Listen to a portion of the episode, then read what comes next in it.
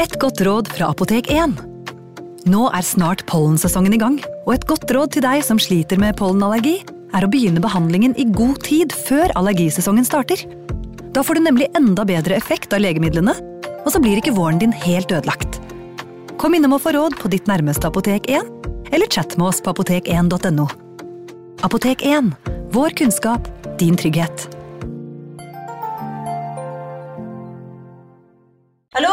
Jeg kommer fra Oslo politikammer. Ine Jansen er purk. Er du purk? The motherfucking bitch. Alt jeg vil, er å finne ut hva som skjedde med mannen min. Jon Carew. Er jeg sikta for noe? Iben Akeli. Det er du. Ole So, Lars Berrum og Big Daddy Karsten. Hvem sin side er du på, egentlig? Anette Hoff, Tone Danielsen, Kommer du fra Afrika? Jørnis Josef, Nesten. Kløfta. Trond Espen Seim, Det er synd å si det, men det var feil mann som døde. Purk. Premiere tirsdag på TV2 Play. Advarsel. I denne podkasten vil du høre historier basert på informasjon programlederne har funnet selv. Programlederne står ikke nødvendigvis inne for meninger og syn som fremstilles. Noen påstander kan avvike fra virkeligheten.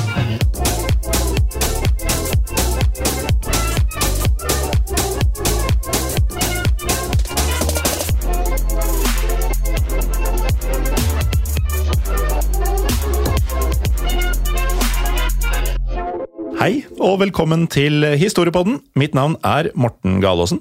Og mitt navn er som alltid Jim Fosheim. Hei. Jim. Hallo, Morten. Hvordan står det til? Jo, det går ganske bra med meg. Um, og nå tror jeg det går bra med deg også, fordi vi har hatt litt trøbbel med en ledning som Ja, du nå ja, ja. virker å ha fått kontroll på. Ja, det jeg har gjort nå Nå har det lagd seg sånn løkke med ti meter ledning under uh, podkastbordet vårt. Så nå har jeg bare satt den i sånn høyspenn og surrende rundt mikken. Så det, er ikke, det er ikke optimalt, men uh, i det minste så fungerer det. Vil uh, du høre noe jeg har gjort, som faktisk er inspirert av noe vi har gjort? Eh, Du har vært ute og reist? Ja, og ikke et hvilket som helst sted. Fordi denne episoden er jo, som lytterne hører, ute på Spotify og iTunes osv. Ja. Og forrige episode, som var ute på iTunes og Spotify osv., handla om uh, Shankill Butchers oh! i uh, Belfast i Nord-Irland. Ja. Der har jeg vært uh, nylig. Møtte du Shankill, eh, noen etterkommere av Shankills? Ikke- Butchers? Ikke som jeg veit, men jeg var eh, i en samtale med noen lokale hvor eh, Shankill Road eller Shankill Street ble nevnt. Og, du og da gikk det en liten støkk i meg. Nei, da Hello, I'm from Norway. I talked about uh, butchers. Nei, jeg bare lata som ingenting, jeg. Men uh, er noterte meg i margen da, at uh, oi, nå var dette plutselig veldig ekte. Ja. Og det vi har pratet om, som er litt sånn uh, halvjuks Vi pratet jo litt om turen din før vi satte i gang mikrofonen her. Mm. Og du har drukket noe som jeg har sett folk drikke ekstreme mengder av når jeg studerte i Glasgow. Ja. Og det er noe sånn skikkelig variant av en drikke som er det er, er, er det solbærsaft med bobler og alkohol i? Nei, det er nok ikke helt det, men det er eh, tilsvarende forferdelige greier. Ja. Buckfast kalte de det. Ja. Eh, og det var en slags vintype som ikke er vin. Mm. Og den er full av sukker og ko eh, koffein og alt som er gærent. Alt det man eh, egentlig vil ha. en gang. Da. Ja. Ja. Så jeg leste en eh, Guardian-artikkel, for jeg ble veldig nysgjerrig på dette i ettertid. Hva i all verden var det de fora meg med? Um, og da var det en Guardian-artikkel hvor det sto noe sånt som Nearly um, superhuman uh, powers of destruction, eller noe sånt. Altså, Det er så lite bra for deg, de greiene der. Ja, fordi eh, når jeg størte i Glasgow, i hvert fall, så hadde du et uh, fenomen som ble kalt for NEDS. Som står for, da, jeg har sikkert nevnt i podkasten før, Non-Educated Delinquents. Ja, Og i den Guardian-artikkelen så står det at det er nettopp Neds som er Ja, glad i dette her. Ja, fordi jeg ble nemlig bedt om å handle inn dette foran liquor stores til uh, Neds. Og du blir jo litt sånn eh, shaky når de kommer bort til deg. Og dette er jo alt Det høres kanskje litt teit ut, men det er kids helt nede i syvårsalderen altså, som sitter og drikker dette her på gata. Og de blir, som man skjønner, helt gærne.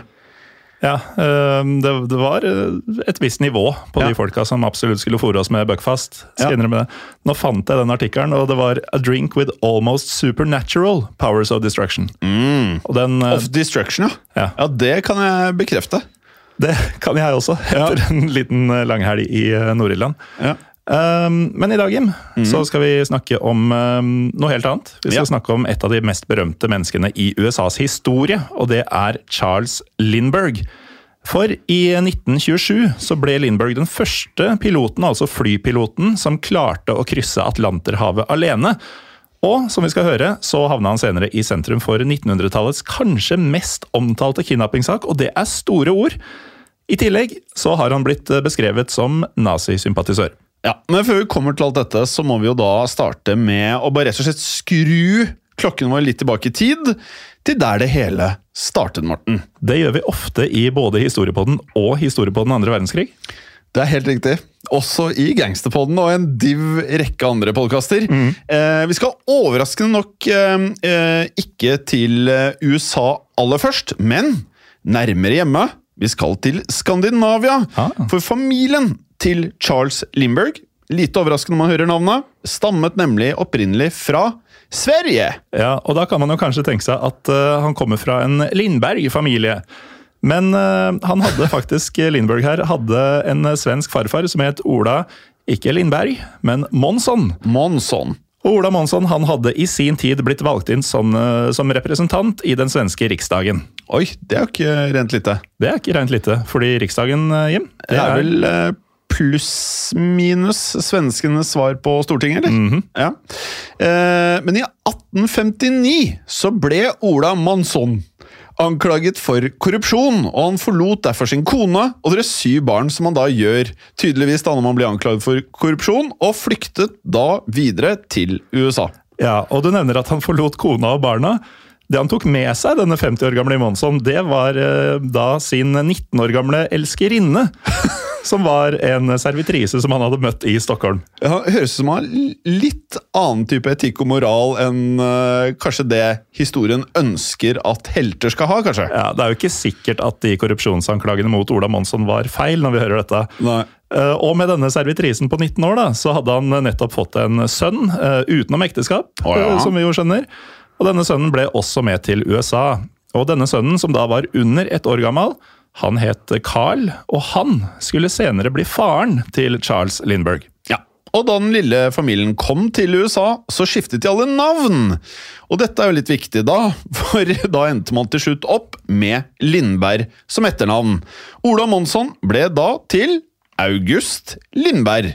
Og lille Carl, han fikk navnet Charles August Lindberg, og hele familien ble også amerikanske statsborgere. Ja, Så Ola Monsson, da, eller eh, August Lindberg, eller August Lindberg, eller hva han nå kalte seg, han døde så i 1893. Da var han 85 år gammel. Men eh, for sønnen, eh, Charles August, eller Charles August, så gikk det likevel godt, for han gjorde karriere innen juss og ble en vellykka advokat. Og etter å ha blitt enkemann med ansvar for to døtre, så fant også han seg en ny kone, som han gifta seg med i 1901. Og med det sagt, Jim, så kan vi introdusere dagens hovedperson. Ja, det kan vi. Den 4. februar 1902 fikk nemlig Charles August, eller August som jeg sier, Morten, Lindberg en sønn sammen med sin andre kone Evang Evangeline Evangeline Landlord Lindberg. Ja. Evangeline Landlodge Lindberg, kanskje? Det, det er altså ikke landlord, men land mellomrom lodge. Ja, Det er tre l-er for å gjøre saken veldig mye enklere. Skal vi se. Mm. Evangeline Landlodge Lindberg. Landlodge. Og her kan det da oppstå en uh, smule forvirring om dette navnet. Ja, det kan du trygt si, for eh, Charles August Lindberg han ga den nyfødte sønnen sin navnet Charles Augustus Lindberg. Men vi husker han jo da best som bare Charles Lindberg. Ja, Uh, og det er selvfølgelig denne Charles Lindberg som alt handler om i dagens episode. Ja, og vår Charles Lindberg han ble født i Detroit i delstaten Michigan, som er eh, i Midtvesten cirka, hvis du kjenner din amerikanske geografi. Ja, jeg har hørt mye på Eminem, og han er fra dette stedet. Mm. Men han sier da Detroit. Detroit? Detroit. Ja. Eh, I hvert fall Lindberg, ikke Eminem, flytta så tidlig med resten av familien, altså faren, moren og to halvsøstre, til byen eh, Little Falls i Minnesota. Eller som Eminem ville sagt, Minnesota. Ja vel. Uh, uansett, Limber han tilbrakte mye av barndommen sin her, og i USAs hovedstad, faktisk, Washington DC. Nemlig fordi faren Charles August ble valgt inn også i den amerikanske kongressen i 1907. Og for de da som ikke følger med på amerikansk politikk, som eh, kan til tider være vanskelig, så er det bortimot det samme som Stortinget i Norge. Ja, Så han har jo da en far, eh, vår Charles Lindberg, som eh, har sittet på det i anførselstegn amerikanske Stortinget, og en farfar som har sittet i det svenske Stortinget. Så han kommer jo fra En parlamentarisk familie. Ja. Eh, Og dermed så vokste jo vår Charles, eh, som da blir Charles jr., eh, opp som en del av en godt respektert familie. Og det var tydeligvis noe som ga han gode valgmuligheter når det gjaldt utdanning. For i løpet av oppveksten så skal nemlig Lindberg ha gått på så mye som tolv forskjellige skoler, og aldri blitt mer enn et år, maks to, på én og samme skole. Ja, og dette gjorde nok eh, da faktisk at Limber tidlig ble vant til å flytte på seg. Noe som kanskje kan forklare hans eh, etter hvert eh, svært store begeistring for kjøretøy. Det er godt mulig, for allerede i en ung alder så skal Charles Lindberg ha utvikla en stor interesse for dette feltet, som visstnok starta med familiens bil og familiens motorsykkel. Og både bilen og motorsykkelen var jo relativt nye oppfinnelser på dette tidspunktet, noe som eh, må ha gjort det ekstra spennende dette her for eh, Lindberg. Du, Morten. Jeg har aldri sett deg på noe kjøretøy annet enn eh, en trikk, tror jeg. Nei, Øh, jeg har sykla til studio noen ganger, men, men da har jo du ikke sett meg komme syklende, Nei. for du sitter jo inne og venter. Men det å sykle innebærer ikke at du trenger, et, eh, trenger ikke noe førerkort for det. Nei, det håper jeg ikke, for det Nei. har jeg jo ikke. Nei, for det var det som var poenget mitt. Du har ikke førerkortet? Nei. Nei. Skjønner. Bra. veldig bra. Ja, veldig fint. Eh, og vi vet jo at det, på denne tiden her så var man jo tidlig i denne her fasen med kjøretøy og motorer var spennende. Eh, så det var jo ikke spesielt rart at man på denne tiden, hvis man allerede hadde en interesse for kjøretøy, eh, altså bil, så var det ikke veldig lang vei da, til å bli interessert for fly, som på mange måter var eh, må kunne kalle det siste skrik, og det høres jo rart ut i dag for um, de yngre som hører på dette her, men på denne tiden så var um, fly det var det ypperste innen teknologisk utvikling. Og da må vi huske på, nå er vi i starten av 1900-tallet. Og flyet hadde jo da for øvrig blitt eh, oppfunnet av eh, de amerikanske brødrene Wright i 1903, da Lindberg kun var ett år gammel. Ja, og i løpet av de neste 20 åra etter det, så utvikla flyteknologien seg så fort at det åpna for revolusjonerende nye muligheter innen transport.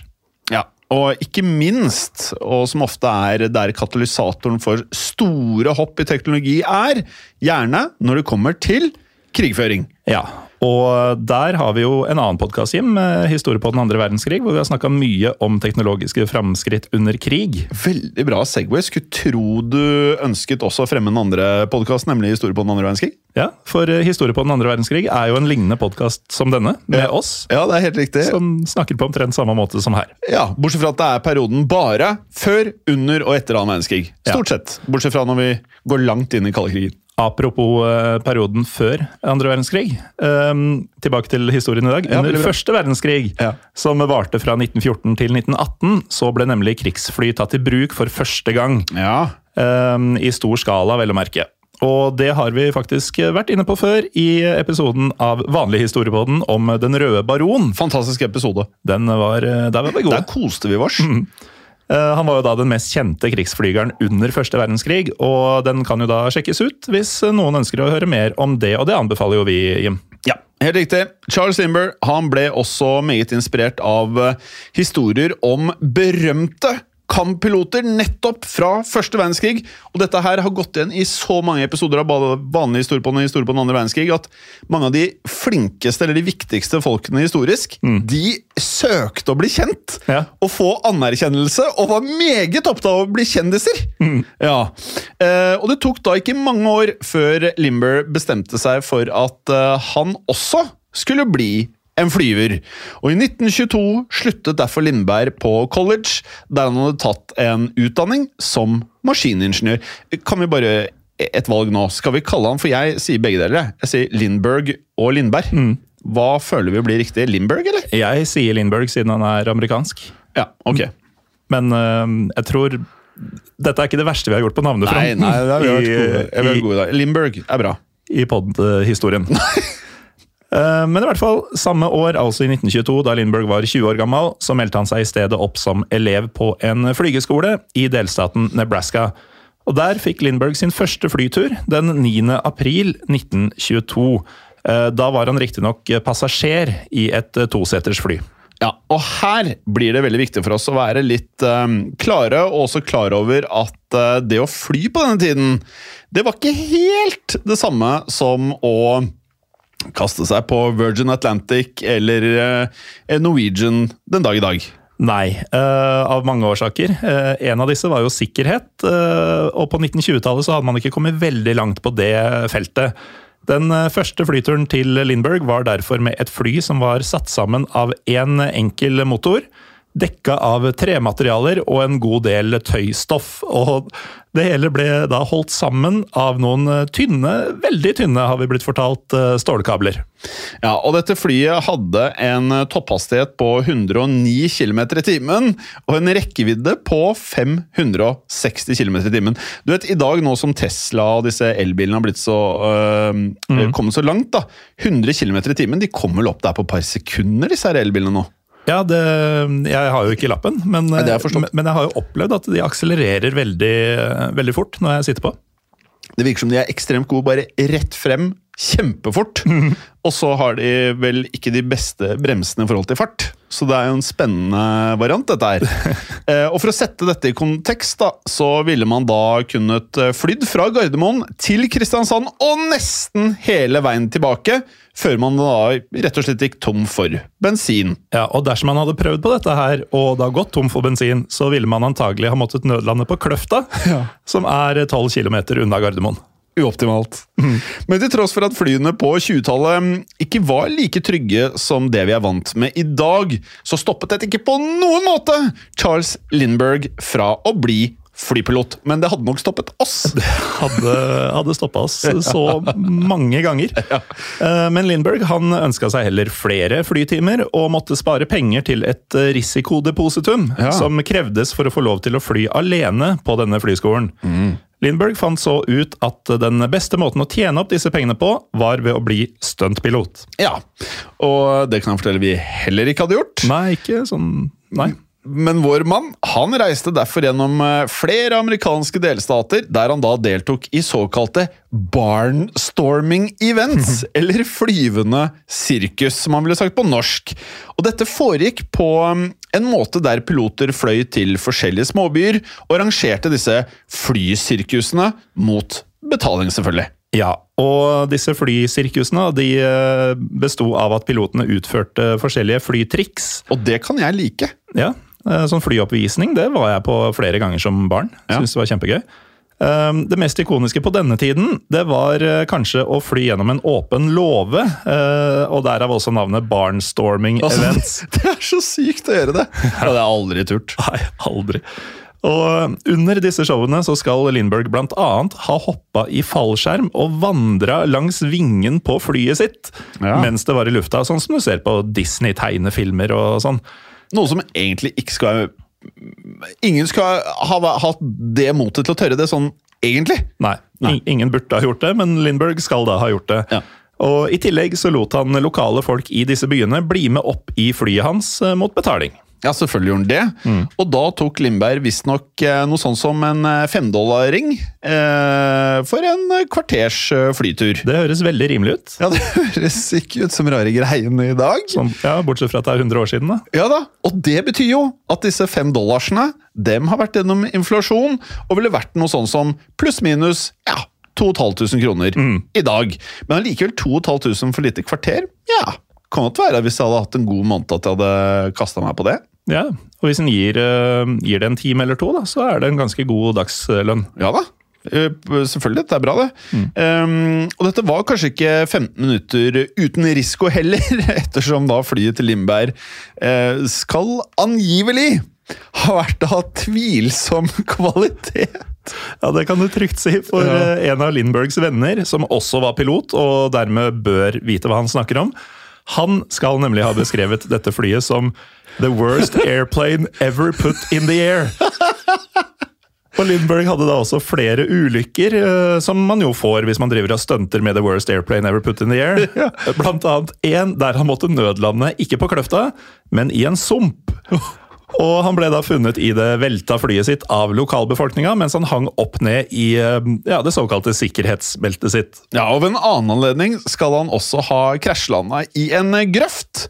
Og det var da han skulle fly faren, som jo da var politiker, til et valgmøte.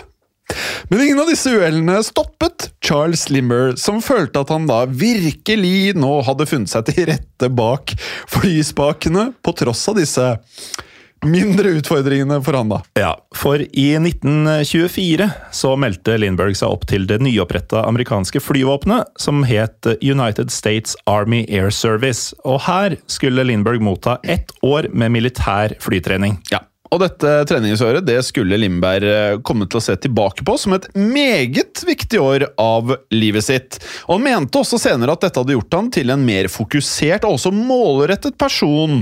Og det syntes kanskje mm, i det faktum at Lindberg ble uteksaminert med toppkarakterer som den beste i sitt kull.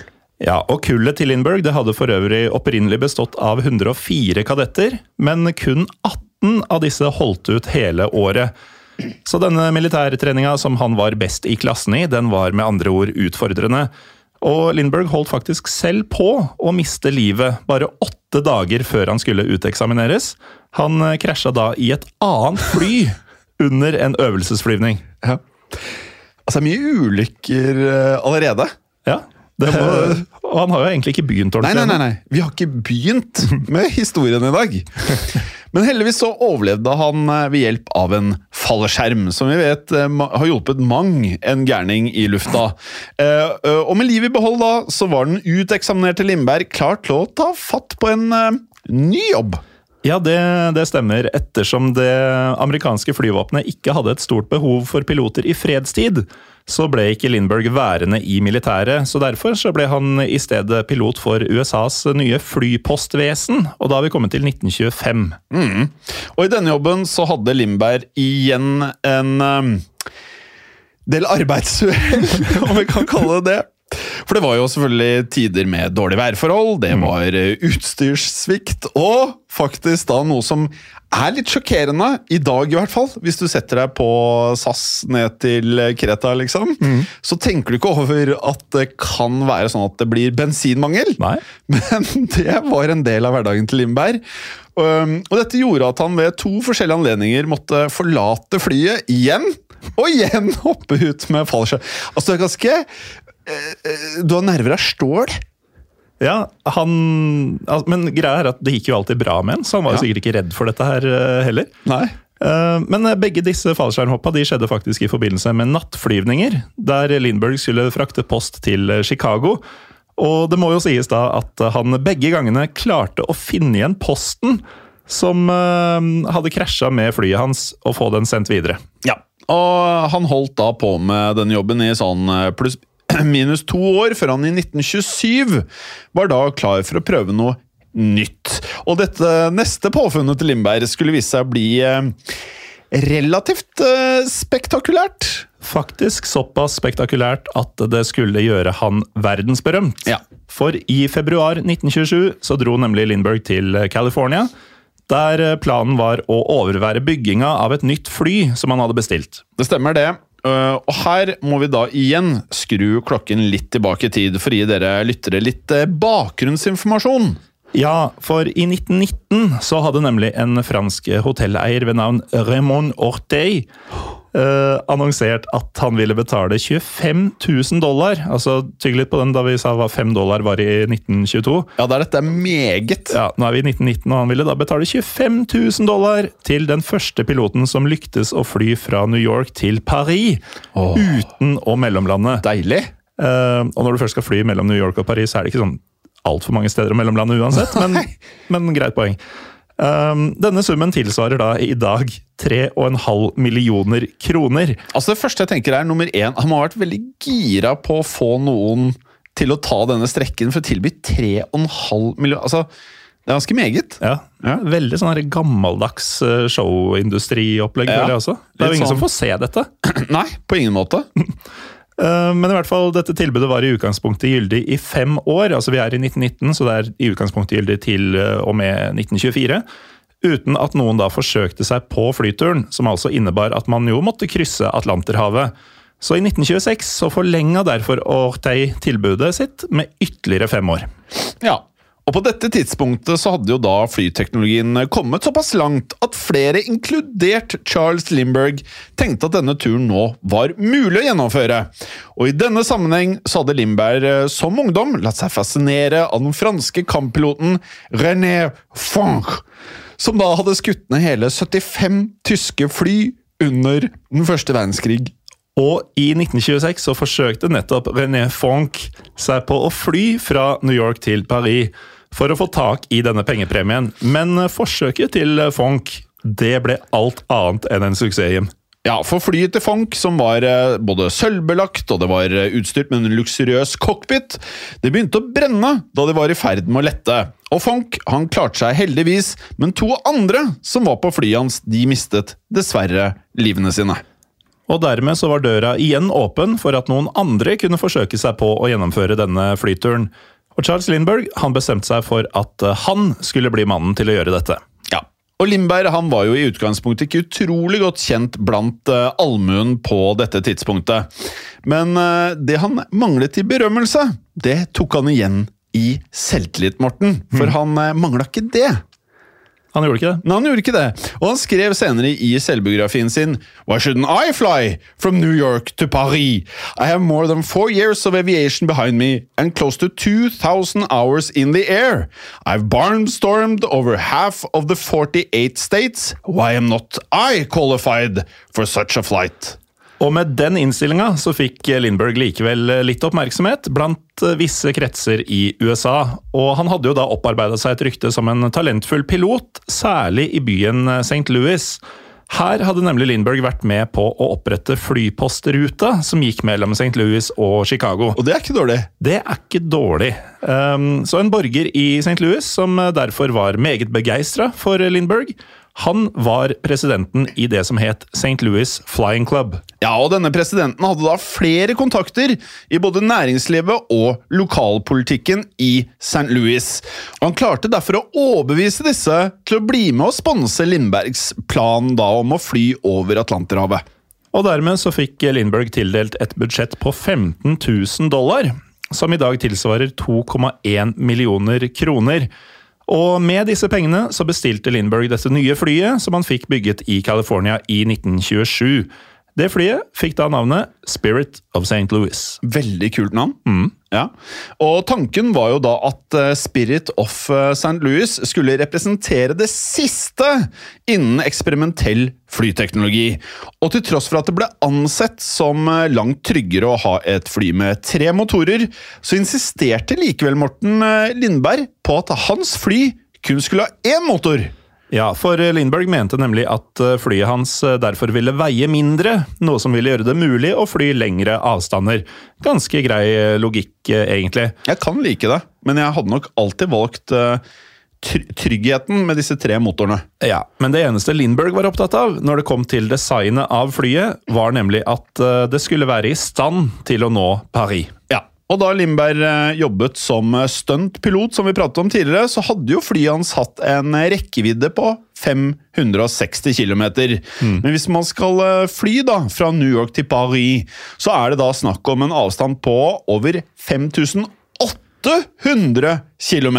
Og det er jo godt over en tidobling. Ja, det er meget.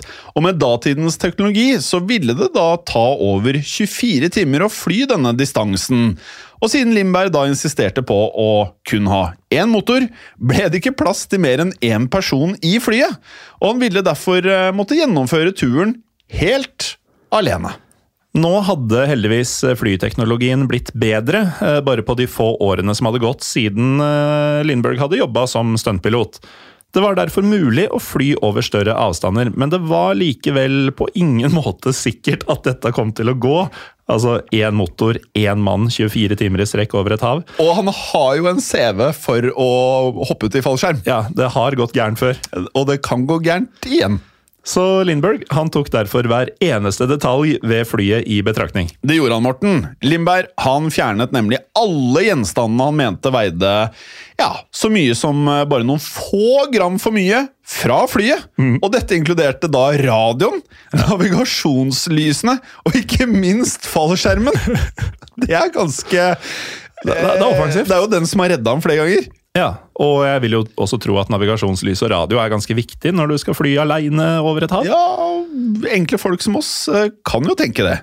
Men da ble det jo da sånn at Lindberg måtte klare seg uten disse hjelpemidlene på turen over Atlanteren. Ja, og Lindberg han fikk faktisk også designet et par eh, nye flystøvler, som veide da mindre enn de han vanligvis brukte. Eh, Og for å da maksimere rekkevidden til eh, The Spirit of St. Louis, så ble flyet også utstyrt med ekstra store vinger for å få plass til rett og slett da flere drivstofftanker enn normalt. Og den 28. april 1927, Jim, da var bygginga av flyet ferdig. Det hadde da krevd to måneder med konstant arbeid for å fullføre det, eh, og det høres egentlig ikke ut som nok tid. Nei. Um, men det, det var da mye. Um, ettersom Lindberg forlangte at Spirit of St. Louis skulle bygges så raskt som mulig. Resultatet det var et fly som var nesten et tonn, altså 970 kilo tungt og 8 meter langt, med et vingespenn på 13 meter. Det er omtrent det samme som jeg har. Vel. Eh, uansett, planen var å fly dette fra New York allerede et par uker senere. Men to dager før Limber skulle ut og fly, så kom nyheten om at to franske piloter hadde lettet fra byen for å forsøke å komme Limberg i forkjøpet! Merd! Merd! Men etter et par dagers spenning så kom beskjeden om at eh, disse to på ingen måte hadde lykkes med å komme seg frem til Paris. Nei, de hadde lyktes såpass dårlig faktisk at de to franskmennene aldri ble sett igjen. eh, Og det ble derfor antatt at de må ha styrta et sted i Atlanterhavet. Det første jeg hadde gjort da hvis jeg var Lindberg, inn med fallskjermen. Ja, Og kanskje en radio. Og kanskje radio. Og noen navigasjonslys. Ja, også noen lys. Men eh, da var veien i hvert fall igjen åpen for Lindberg, som nå faktisk satte av gårde mot Paris. Ja. Og um, det, som man forstår, så kommer det jo noen utfordringer. For etter å ha kjempet seg gjennom uh, tåke, han har kjempet seg gjennom kulde og ikke minst utmattelse, så landet Spirit of St. Louis på flyplassen Le Bourget i Paris klokken 10.22 på morgenen den 20. mai 1927. Og Lindbergs flytur hadde da vart i 33,5 time! Jeg syns 24 hørtes mye ut, jeg, som et estimat. Ja, dette her er meget mer, og um, han hadde også rukket å få internasjonal mediedekning allerede da før flyet hadde kommet frem i Le Bourget. Og det forklarer hvorfor Lindberg ble møtt på flyplassen av 100 000 spente franskmenn. Fra lufta så trodde faktisk Lindberg først at flyplassen var et slags industrianlegg, siden han så en enorm mengde med blinkende små lys nede på bakken.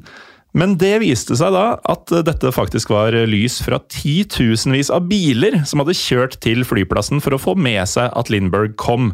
Så han hadde dermed skapt den største trafikkorken i Paris' historie, i hvert fall inntil da. Ja, inntil da, ja. Eh, og da Limber omsider parkerte flyet sitt, så ble han dratt ut av cockpiten av den jublende folkemengden som var der, som da rett og slett bar Bar Lindberg rundt på skuldrene i over en halvtime! Det er ganske lenge å bli hedret. Du har sittet i 33,5 timer i flysetet, og nå skal du sitte på skuldra til folk i en halvtime til? Men 30 minutter å være oppå skulderen til folk, det er, det er heftig. Eh, og nyheten om eh, Lindbergs eh, bragd den gikk deretter raskt verden rundt, og han ble forvandlet til en global superstjerne nesten over natten. Altså Han ble en blanding av Kanye West og Leonardo DiCaprio. Ja.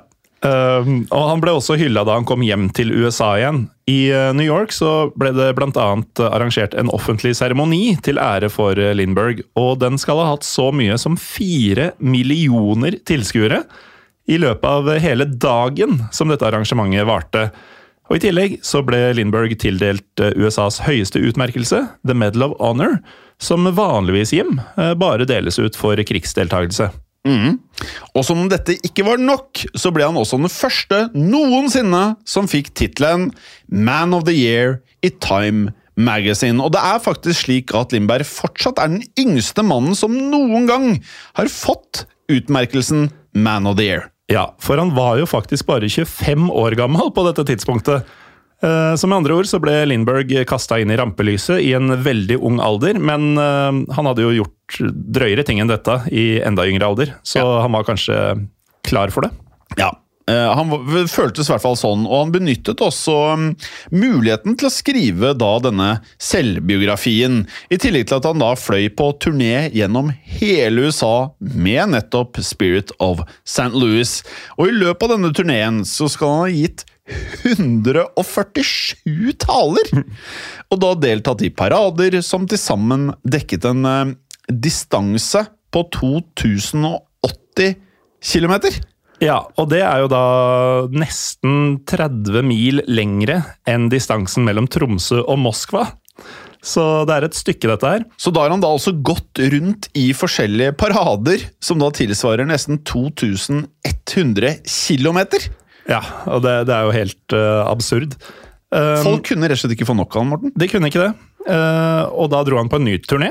Uh, Selvfølgelig. Lindberg han fløy like gjerne på en turné gjennom Sør-Amerika og Karibien. han. Ja. Om eh, denne vanvittige publisiteten som han nå fikk, så sørget Lindberg da for at eh, det oppsto en eh, enorm interesse nettopp rundt flyvning generelt, som han i USA kalte et Lindberg boom. Ja. Eh, og dette boomet innebar annet en firedobling av antall fly i USA, og en tredobling av antall da søknader for å da få pilotlisens. Og etter ett år med turneer så fløy Lindberg så Spirit of St. Louis til Washington DC, der han parkerte for godt på The Smithsonian Museum. Eh, Og der står det fortsatt i dag. Jim.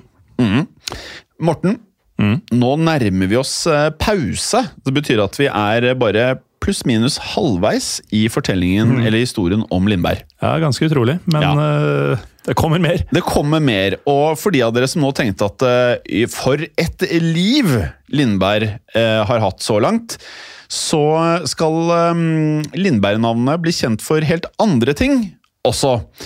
For i løpet av de neste årene skulle Lindberg først og fremst da få oppmerksomhet for andre ting enn flyvning, selv om han da ikke hadde lagt eh, pilotbrillene helt på hylla.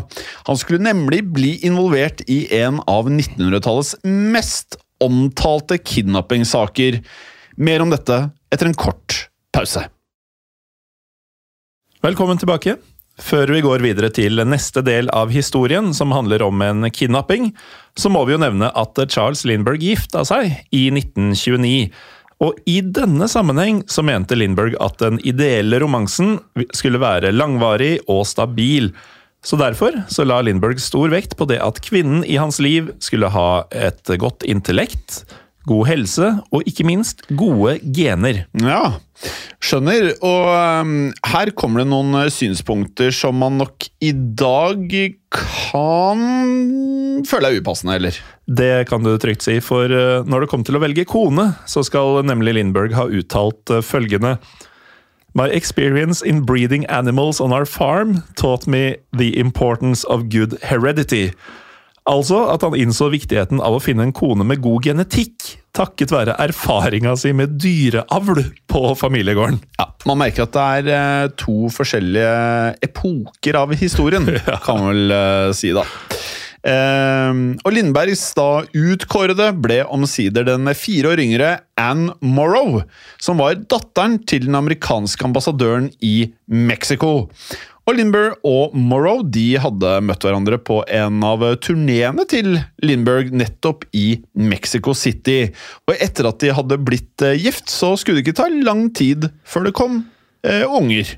Nei, i 1930 så fikk nemlig paret en sønn, og hvis vi husker litt tilbake, så heter jo faren til Charles her, han heter Charles August Lindberg. Ja. Eh, og vår Charles, han heter Charles Augustus Lindberg, eller Augustus. Sønnen til vår Charles Lindberg fikk da navnet Charles Augustus Lindberg jr. Selvfølgelig. Men familielykken, den ble kortvarig. Ja, det stemmer det, Morten. og den 1. mars 1932 så lå den da 20 måneder gamle Charles Augustus Lindberg jr. og sov på barneværelset i eh, familiens hjem på landsbygda i New Jersey. Klokken ti på kvelden så oppdaget familiens barnepike at Charles jr.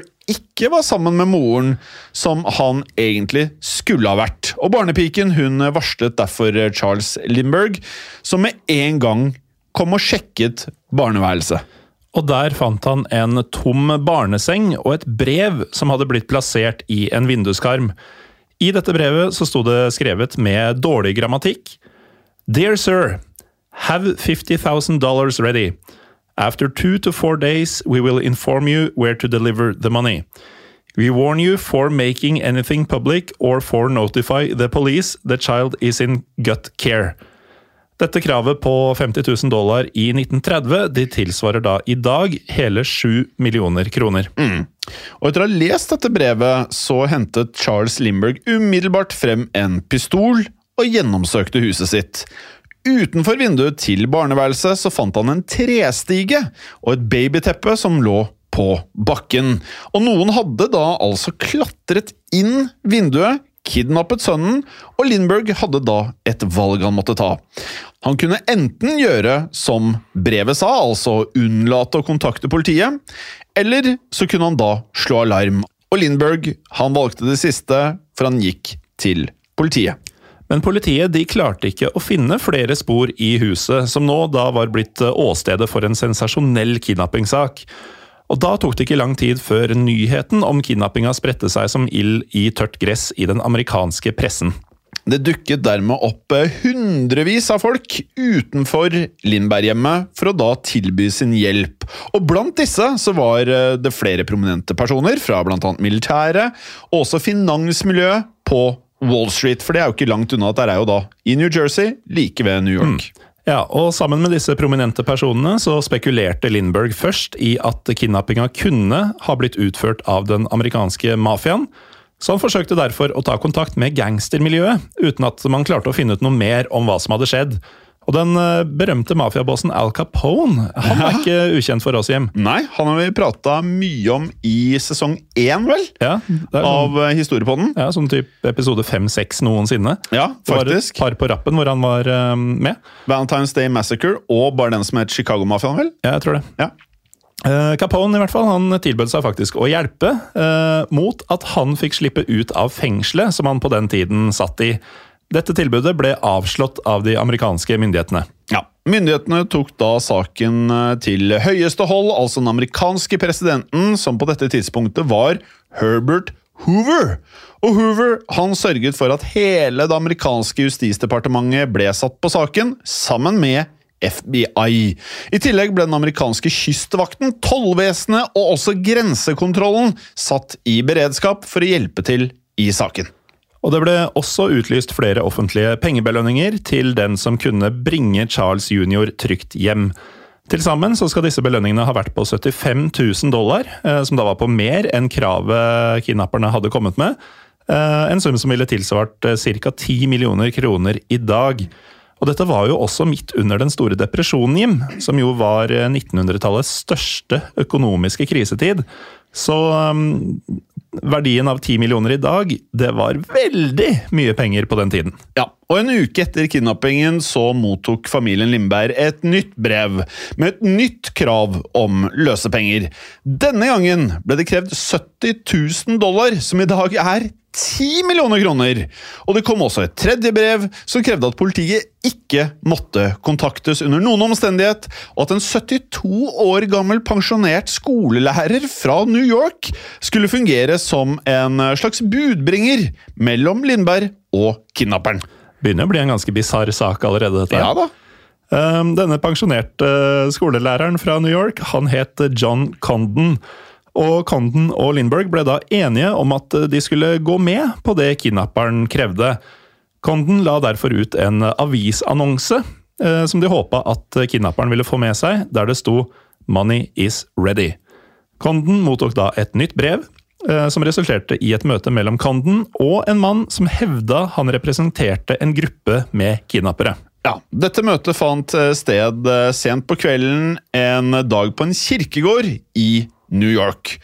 Og Condon han fortalte senere at han ikke hadde klart å se ansiktet til mannen som han hadde møtt, ettersom han sto i skyggene mens de pratet. Det høres ut som en sånn scene fra en eh, film, litt sånn orkestrert. Ja, Sånn gammel 50-talls eh, spionfilm eller agentfilm. Ja, Du klarer vel å se ansiktet, skulle man tro? Nei, kanskje ikke det. Kom litt nærmere. Ja, kom litt nærmere. Denne mannen som da hadde en, eh, i hvert fall det han beskrev som en utenlandsk aksent, kalte seg selv for John, og hevdet at han var en eh, skandinavisk eh, sjømann. Ja, og denne John fortalte at han var en del av en gjeng bestående av tre menn og to kvinner som hadde kidnappa Charles Lindberg jr. Han tilbød så å returnere barnet i bytte mot eh, løsepengene, og for å overbevise konden om at han snakka sant, så tilbød denne John å returnere et av klesplaggene til Lindberg jr. Ja, og etter kun noen få dager så mottok familien Lindberg en av sønnens sovedresser i posten. Og De bestemte seg da for å utbetale løsepengene, og Condon han fikk oppgaven å levere denne summen. Den 2. april, en måned etter kidnappingen skjedde, så møtte Condon igjen denne John på en eh, kirkegård, og Condon han overleverte da en eske med 50 000 dollar, som i dag ville vært over 7 millioner kroner, altså ikke de 10 millionene. Nei, men selv om dette var en mindre sum enn det siste kravet kidnapperne hadde sendt, så godtok eh, John summen. Han fortalte deretter at Charles jr. ble tatt vare på av to kvinner som ikke hadde vært involvert i kidnappinga, før han så forlot eh, kirkegården. Ja, men etter dette så hørte man ingenting fra kidnapperne, og til familiens enorme fortvilelse så ble Charles jr likevel ikke returnert. Men en måned senere, da vi kommet til 12. mai 1932, så ble gutten omsider funnet. Ja, Denne dagen så hadde nemlig en uh, trucksjåfør stansa ca. 7 km unna hjemmet til familien Lindberg for å ta en uh, dopause. Og Da han stilte seg opp ved grøftekanten langs veien, så fant trucksjåføren liket til et uh, lite barn. Dette barnet hadde mottatt et tungt støt mot hodet, som hadde gitt kraftige brudd i skallen, og kroppen bar også tegn på å ha blitt eh, rørt av ville dyr. Og det så ut som om noen hadde forsøkt å gi barnet en rask begravelse. Ja, Det tok heller ikke lang tid før barnet ble identifisert som Charles Augustus Lindberg jr. Og kidnappingen ble derfor til en drapssak, som pressen nå begynte å omtale som The Crime of the Century. Og etter nesten eh, to år til med etterforskning, så ble kidnapperen endelig arrestert den 19. september 1934. Og han ble da identifisert som en tysk snekker ved navn Bruno Richard Hauptmann. Hauptmann ble tatt etter at han hadde forsøkt å bruke noen av løsepengene som han hadde mottatt, på en bensinstasjon. For det var nemlig, og dette var da Hauptmann ikke klar over, mulig å spore disse pengesedlene. Ja, og til tross for at Hauptmann eh, hevdet seg uskyldig, så ble han som eneste person siktet i saken. Charles Limber han vitnet selv under rettssaken, som pressen kalte «the trial of the century», og uttalte i retten at han eh, var overbevist om at Hauptmann var gjerningsmannen. Og Hauptmann ble til slutt også funnet skyldig, og identifisert som denne John, som hadde mottatt eh, løsepengene. Og Han fikk derfor eh, dødsstraff, og i april 1936 så ble Hauptmann henretta i Den elektriske stol. Ja, og det sier seg vel nesten selv at denne saken var en enorm påkjenning for familien Lindberg. Men i løpet av tiden som hadde gått siden kidnappingen, så hadde faktisk Charles Limber og kona Anne fått seg enda et barn. Ja, og i løpet av de neste årene skulle det faktisk bli hele fem barn til sammen. Tre sønner og to døtre. Eh, Charles Lindberg han var da en, eh, en, noe fraværende far, som overlot mye av barnas oppdragelse til kona. Eh, derimot så skal han ha fatta særlig interesse for det han oppfatta som dårlig oppførsel hos barna. Og et eksempel på det kunne være tygging av tyggegummi. Ja, men likevel så var han meget opptatt av å verne om familiens privatliv, og for å unngå pressedekningen som kidnappingssaken hadde skapt, så flyttet derfor familien til Europa, nærmere bestemt Paris, der han hadde fløyet tidligere. Ja, der hadde han gode minner fra. Ja, og der ble de værende fra 1936 til 1939, da andre verdenskrig brøt ut. Ja, Da det skjedde, så dro Lindberg tilbake til USA for å hjelpe med å vurdere om det amerikanske flyvåpenet var klart for krig eller ikke. Og når det gjaldt spørsmålet om krigen, så skulle Lindberg igjen tiltrekke seg stor oppmerksomhet. I løpet av tiden sin i Europa Morten, så hadde nemlig Lindberg utviklet det som har blitt beskrevet som eh, nazisympatier. Mm. Og Etter forespørsel fra det amerikanske militæret så hadde han annet tatt eh, flere turer til Tyskland for å evaluere det tyske flyvåpenet, altså Luftwaffe. Og Lindberg han ble bl.a. invitert på middag med sjefen for det tyske flyvåpenet, nemlig selveste toppnazisten Herman Göring. Mm. Og Göring han overrakte da Lindberg en medalje på vegne av Adolf Hitler. Og denne historien her blir jo Det er nesten så man ikke tror det er sant, dette her. Ja, og han er vel bare 37 på det eldste i løpet av tida i Europa. Ja. Så det er en ung manns liv fortsatt, eh, men meget innholdsrikt. Og da andre verdenskrig da etter hvert brøt ut i Europa, så ble Charles Lindberg den fremste politiske talsmannen for at USA burde holde seg nøytralt og ikke gå inn i krigen. Og den 15. september 1939, altså to uker etter at de allierte erklærte krig mot Tyskland, så holdt Lindberg en radiosendt tale som gikk over hele USA. I denne talen så gjentok Lindberg at USA burde holde seg utenfor krigen, og kom med det som kunne tolkes som pronazistiske og antisemittistiske utsagn. Han hintet blant annet til at jøder kontrollerte amerikanske medier, da han sa følgende We must ask who owns and influences the newspapers, the news picture and the radio stations. If our people know the truth, our country is not likely to enter the war. Og selv om Lindberg da sa at han mislikte krigen, så uttalte han også samme år at et tysk angrep på Sovjetunionen burde gjennomføres. Han mente nemlig at kommunismen var den aller største fienden, og at vestlige land burde stå sammen for å bekjempe den. Lindberg fortsatte da å engasjere seg i politikken, og i 1940 ble han leder for det som ble kalt The America First Committee, en organisasjon som da jobbet for at USA skulle holde seg nøytralt under annen verdenskrig. The America First Committee fikk raskt hele 800 000 medlemmer. Med andre ord så var det mange amerikanere som var imot at USA skulle delta i annen verdenskrig. Og Derfor reiste Lindberg rundt i landet og holdt taler for store folkemengder. Annet i Madison Square Garden i New York, og det har en viss eh, publikumskapasitet, eh, Jim. Meget. Um, I disse talene så foreslo eh, Lindberg bl.a. at USA burde inngå en nøytralitetsavtale med Nazi-Tyskland. Noe som gjorde at den daværende amerikanske presidenten, Franklin D. Roosevelt, han offentlig kritiserte Lindberg. Roosevelt ønska nemlig å gå inn i andre verdenskrig for å hjelpe britene mot Nazi-Tyskland. Ja, Presidenten gikk da såpass langt inn i kritikken at han da kalte Limber a defeatist and a peacer. Med andre ord, en som var mest opptatt av å blidgjøre Hitler. Og Lindberg talte deretter på et folkemøte for America First-bevegelsen, der han da hevdet at tre grupper forsøkte å presse USA inn i verdenskrigen. Det var britene, Roosevelt-administrasjonen og også jødene. Og Lindberg fortsatte da med å si I am not attacking either the Jewish or the British people. Both races I admire. But I am saying that the leaders of both the British and the Jewish races, for reasons which are as understandable from their viewpoint, wish to involve us in the war. We cannot blame them for looking out for what they believe to be their own interests, but we also must look out for ours. We cannot allow the natural passion of other peoples to lead our country to destruction. Men til tross for at Lindberg fortsatte å argumentere mot amerikansk krigsdeltagelse, så skjedde det snart noe helt uventet som endret situasjonen.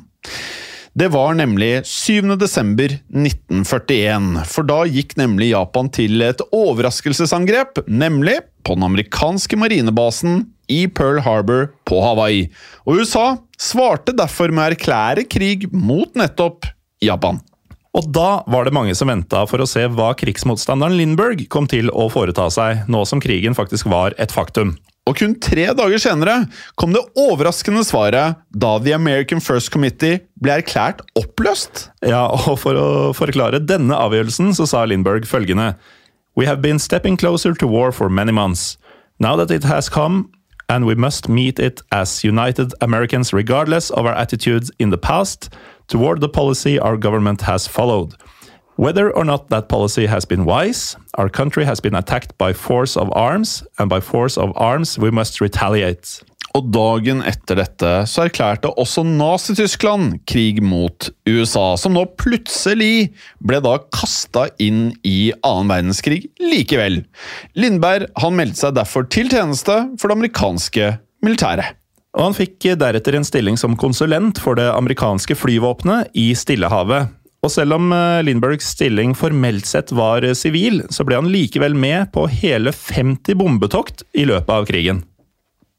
Ja, og I 1944 så skjøt Lindberg faktisk selv ned et amerikansk jagerfly mens han da deltok på et av disse bombetoktene. Og I løpet av krigstjenesten skal han også ha fått mye ros fra pilotene han eh, tjenestegjorde med, som da hyllet det de oppfattet som Lindbergs mot og patriotisme. Og da krigen var over i 1945, reiste Lindberg så til Europa igjen, der han besøkte de nå befridde konsentrasjonsleirene som nazistene hadde brukt, og til tross for sine tidligere nazivennlige sympatier, så skrev han senere at dette besøket hadde gjort ham både opprørt og sint over nazistenes framferd mot jødene. Men ryktet som Lindberg under krigen hadde pådratt seg som nazisympatisør, gjorde da selvfølgelig at populariteten hans gikk noe ned i USA. Men kona, nå Anne Morrow Lindberg, klarte likevel å gjenopprette noe av familiens popularitet gjennom å bli en bestselgende forfatter. Det stemmer, og etter andre verdenskrig så ble Charles Lindberg igjen utnevnt til å være konsulent for det amerikanske flyvåpenet, for på 1950-tallet fikk han også tittelen Brigadier General. Hvordan uh, sier man egentlig det, uh, Jim? Brigadier? Brigadier General. Brigadier Gen General? ja. ja. Brigadier General, tenker jeg. Uh, vel å merke da på reservebasis. Han eh, engasjerte seg også i miljø og dyrevern, og bekymra seg særlig for den negative innvirkninga ny teknologi kunne ha på naturen. Og vi pratet jo tidligere om at Lindberg hadde en elskerinne. Mm. Ja, og fra og med 1957 så innledet, eh, og på dette tidspunktet var han jo da 55 år gammel, så innledet Lindberg flere affærer med, etter hva vi forstår, tre forskjellige tyske kvinner. Og denne Lindberg var eh, svært aktiv, Morten. Mm. Hør på følgende. For Lindberg han fikk da tre barn med den 24 år yngre hattemakeren Birgit Heishammer. Og så fikk han da to barn med søsteren til Birgit Heishammer, nemlig Mariette Heishammer. Og så, Morten, så fikk han da også um, to barn til. Med eh, sin prøyssiske sekretær, som etter hva vi kan forstå kun i historien er referert til som Valeska! Mm. Ja, og altså, Hvis vi bare tar en kjapp oppsummering av det du akkurat sa. da, Han begynte da som 55-åring disse affærene med tre forskjellige kvinner. Ja. Og med disse tre så fikk han sju barn. Ja, og så to, av disse var søstre. Og ja. Og, og Valeska. Ja, og Valeska da. Og alle disse sju barna med disse tre forskjellige kvinnene holdt Lindberg skjult resten av livet sitt. Og bare ti dager før han skulle dø, så skrev Lindberg faktisk brev til hver av disse tre elskerinnene, der han ba dem om å fortsette å holde på hemmeligheten. Og til og med barna, eh, alle sju, eh, visste ikke hvem den egentlige faren deres var. Nei, og Lindberg hadde faktisk kun besøkt de et par ganger i året, under aliaset Carol Kent. Ja. Det skrives da C-A-R-E-U og Kent. Ja. Caru. Kent var lettere enn Karø eller Karu eller hva det blir. Ja. Eh, og disse barna ble derfor ikke offentlig kjent før farskapet ble bekreftet gjennom faktisk da DNA-tester, så sent som i 2003. Ja, og på det tidspunktet så var både Lindberg og kona, som han hadde skjult disse affærene for, eh, døde. Og Charles Limber han hadde da trukket seg tilbake til Hawaii, der han da hadde tilbrakt sine siste år på 60- og 70-tallet. Og her grunnla Limber annet en nasjonalpark. Han rakk for øvrig også ta turen som VIP-gjest til Kennedy Space Center i Florida den 16. juli 1969. Og her ble han vitne til at Neil Armstrong ble skutt opp for å bli førstemann på månen på romraketten Apollo 11.